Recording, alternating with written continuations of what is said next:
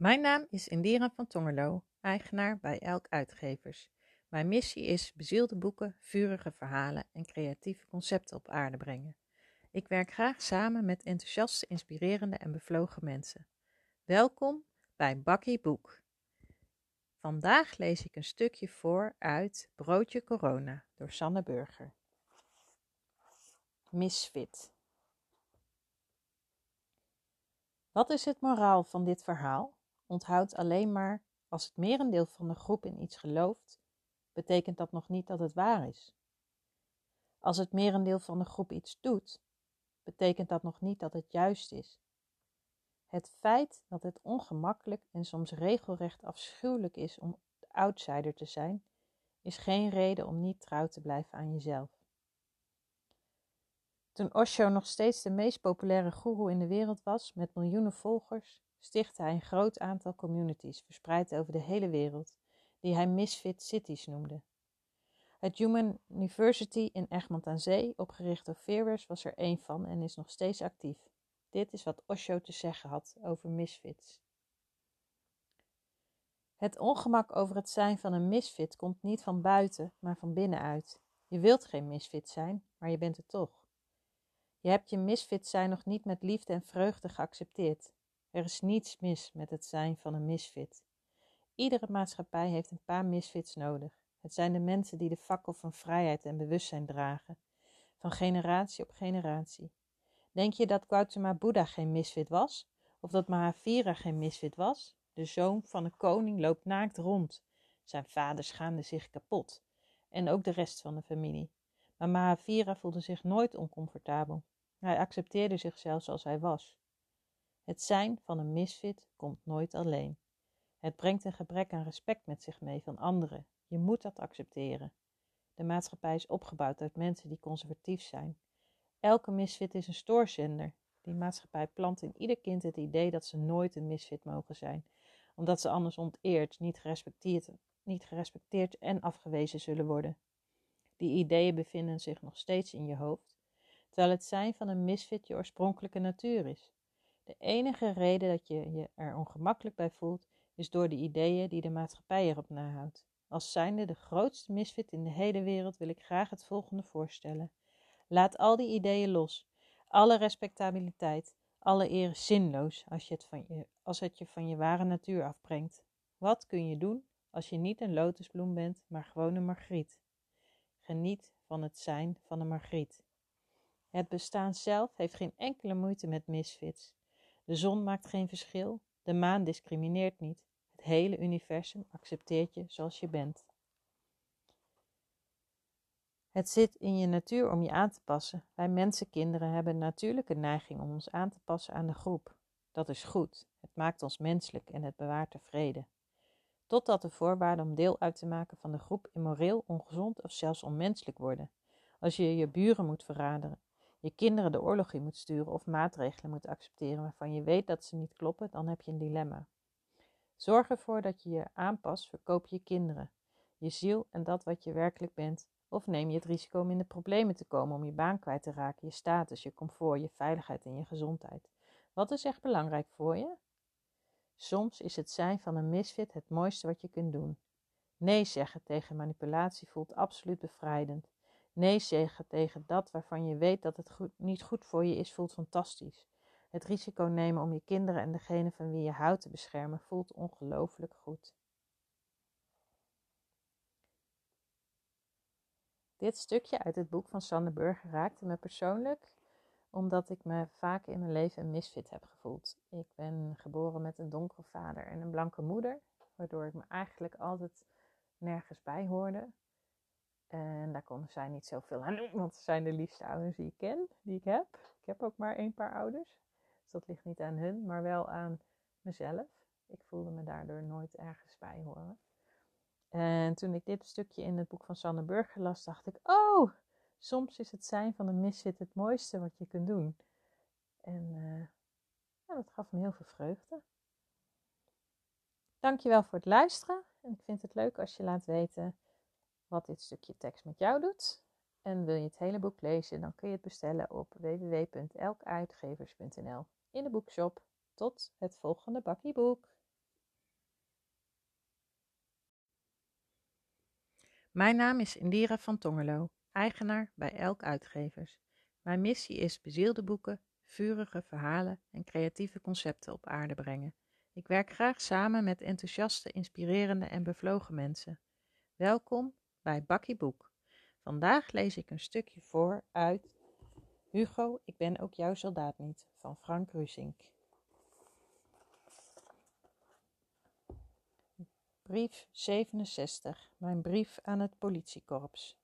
Blijven jullie ook je morele kompas volgen?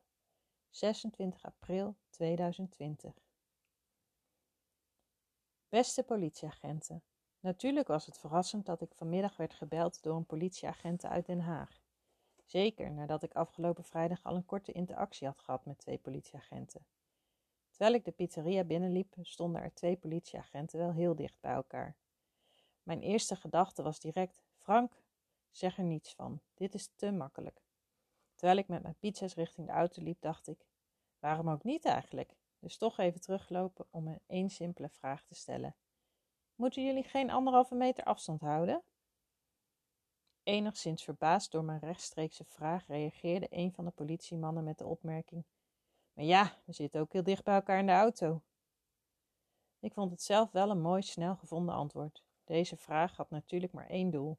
Deze twee politiemensen, net zoals iedereen in deze tijd, blijven challengen of het wel ethisch klopt waar we als mensen mee bezig zijn. Op de weg terug sprak ik richting Loes mijn twijfel uit of ik over deze ervaring een bericht zou gaan schrijven. Deze twijfel verdween in één klap toen ik vanmiddag werd gebeld door deze politieagent uit Den Haag. Ze wilde mij een aantal vragen stellen of ik achter de demonstratie van 28 april aanstaande in Den Haag zit. Voor mij was het bizar om te voelen hoe sterk mijn lijf reageerde op het feit dat de politie mij belde. Big Brother is helping me. Waarschijnlijk heb ik Big Brother nog nooit dichterbij gevoeld dan zojuist in de auto. Ik kon vrij relaxed op de vragen reageren omdat ik geen enkele betrokkenheid heb bij dit initiatief. Een jaar lang schrijf ik al zo open en eerlijk mogelijk over wat ik ervaar, waar ik naar verlang en welke stappen ik ga zetten om dit te realiseren. Toen we het gesprek beëindigden, voelde ik een golf van boosheid en een innerlijke glimlach door mij heen gaan. De innerlijke glimlach vanuit het feit dat de politie ook mijn berichten leest. Ik hoop en ga ervan uit dat ze hier veel van opsteken, zodat zij ook gaan zien welke grootschalige misstanden er allemaal plaatsvinden. Maar ik voelde ook woede. Woede over het lot van de order follower. De order follower die in sommige gevallen in zijn functie geen kant op kan en opdrachten moet uitvoeren, of ze nu kloppen of niet. Ik heb in een eerder bericht mijn empathie al eens geuit richting militairen die helaas te veel oorlogen hebben gevoerd op basis van leugens. Het zijn nooit de politici die de karmische last op zich nemen van de dodelijke burgerslachtoffers. Zij hebben namelijk niet de trigger overgehaald. Het zijn de militairen die zelf de psychische klappen moeten opvangen als ze uitvoering hebben gegeven aan orders die moreel gezien niet klopten. Nogmaals, sterkte voor elke militair die dit leest en zich hierin herkent. Zo zullen er ook vandaag weer twintig Amerikaanse veteranen zijn die zelfmoord gaan plegen. Dus dit bericht is speciaal geschreven voor alle politieagenten die ook vandaag weer op pad zijn gestuurd om hun opgelegde orders uit te voeren. Beste politieagenten in Den Haag en waar dan ook in Nederland, dat jullie ook gewoon je werk doen, begrijp ik heel goed. De schoorsteen rookt bij mij ook niet vanzelf, dus er moet door jullie ook gewerkt worden voor je poen. Ik weet zeker dat jullie ook allemaal met de beste intentie aan jullie vak als politieagent zijn begonnen. Ik wil me niet anders voorstellen dan dat jullie ook van deze aarde iets mooiers willen maken. Toch wil ik jullie allemaal wel een aantal inzichten van mijn kant meegeven. Besef van wie jullie je orders krijgen. Uiteindelijk komen de orders allemaal van de minister van Justitie vandaan. Inderdaad, Vert Grappenhuis. Ik heb hem persoonlijk gesproken op het meest recente CDA-congres. Ik heb hem toen vriendelijk, doch dringend verzocht om de echte misstanden eens aan te pakken. Besef dat deze minister in de Tweede Kamer geen trouw heeft gezworen aan het volk, maar aan de koning. Dit lijkt een kleinigheid, maar dit is groots. Dit betekent dat jullie als politieagenten in eerste instantie niet werken om ons te beschermen, maar om de koning te beschermen. Dit betekent ook dat het zo kan zijn dat jullie je moeten keren tegen de mensen die jullie salaris betalen, inderdaad, het volk. Terwijl ik dit schrijf, denk ik met pijn in mijn hart terug aan jullie collega's in Parijs. De manier hoe zij hun collega's van de brandweer in elkaar sloegen was precies volgens de orders van president Macron, maar natuurlijk onmenselijk. Besef dat de mensen die op social media zich nu roeren ook opstaan voor de vrijheid van jullie kinderen.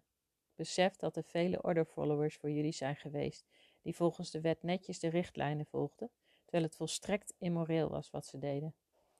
Denk nog eens terug aan al die Amerikaanse soldaten die in Irak, die in Irak vochten voor de vrijheid. Inderdaad, een oorlog gebaseerd op een leugen. 655.000 burgerslachtoffers gedood door militairen die allemaal keurig de orders van de meerderen opvolgden. Denk nog eens terug aan al die medewerkers van het consultatiebureau. Vol vertrouwen spoten zij kleine kindjes vol met de Mexicaanse griepvaccinatie. Die minister zei, de minister zei dat het veilig was, terwijl de GSK de bijwerking had verzwegen. Vele berichten heb ik al ontvangen van medewerkers van, de consultatiebureau, van het consultatiebureau met pijn en berouw over hun onwetendheid.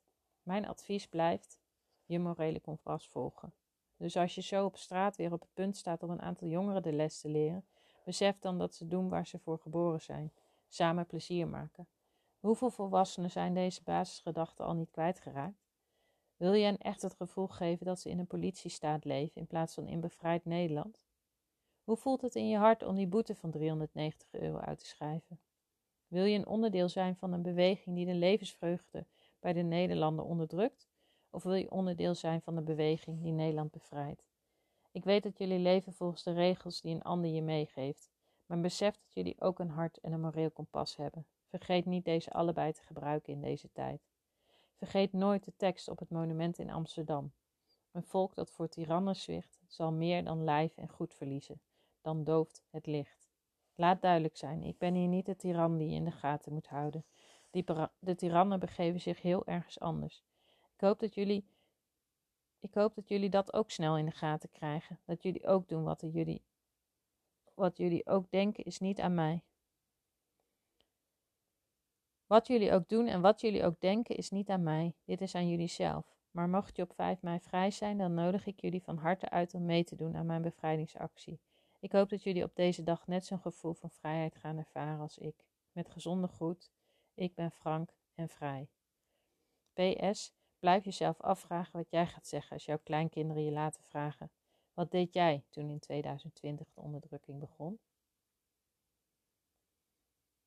Deze brief raakt me zo uit het boek van Frank, omdat ik ook politie aan de deur heb gehad nadat ik een liefdevolle actie had verzonnen om stil te staan op een zebrapad om letterlijk stil te staan bij de impact van de maatregelen op onze kinderen. Het gevoel wat ik had toen de politie voor mijn deur stond, herken ik in wat Frank omschrijft in zijn brief. De woede die er later uitkwam tegen de twee politieagenten in mijn woonkamer, herken ik uit Franks brief. Het gebrek aan hart en moreel kompas herken ik uit Franks brief. Uh, ik ben blij met dit boek van Frank Rusink, omdat het woorden geeft aan gevoelens die ik zelf ook vaak ervaar, omdat het rechtstreeks mensen aanspreekt die invloed hebben om er iets aan te kunnen doen, omdat ik zie welke impact het boek heeft. Wil je het boek bestellen? Ga dan naar de boekshop op www.elkuitgevers.nl. Dankjewel voor het luisteren en tot het volgende bakkieboek.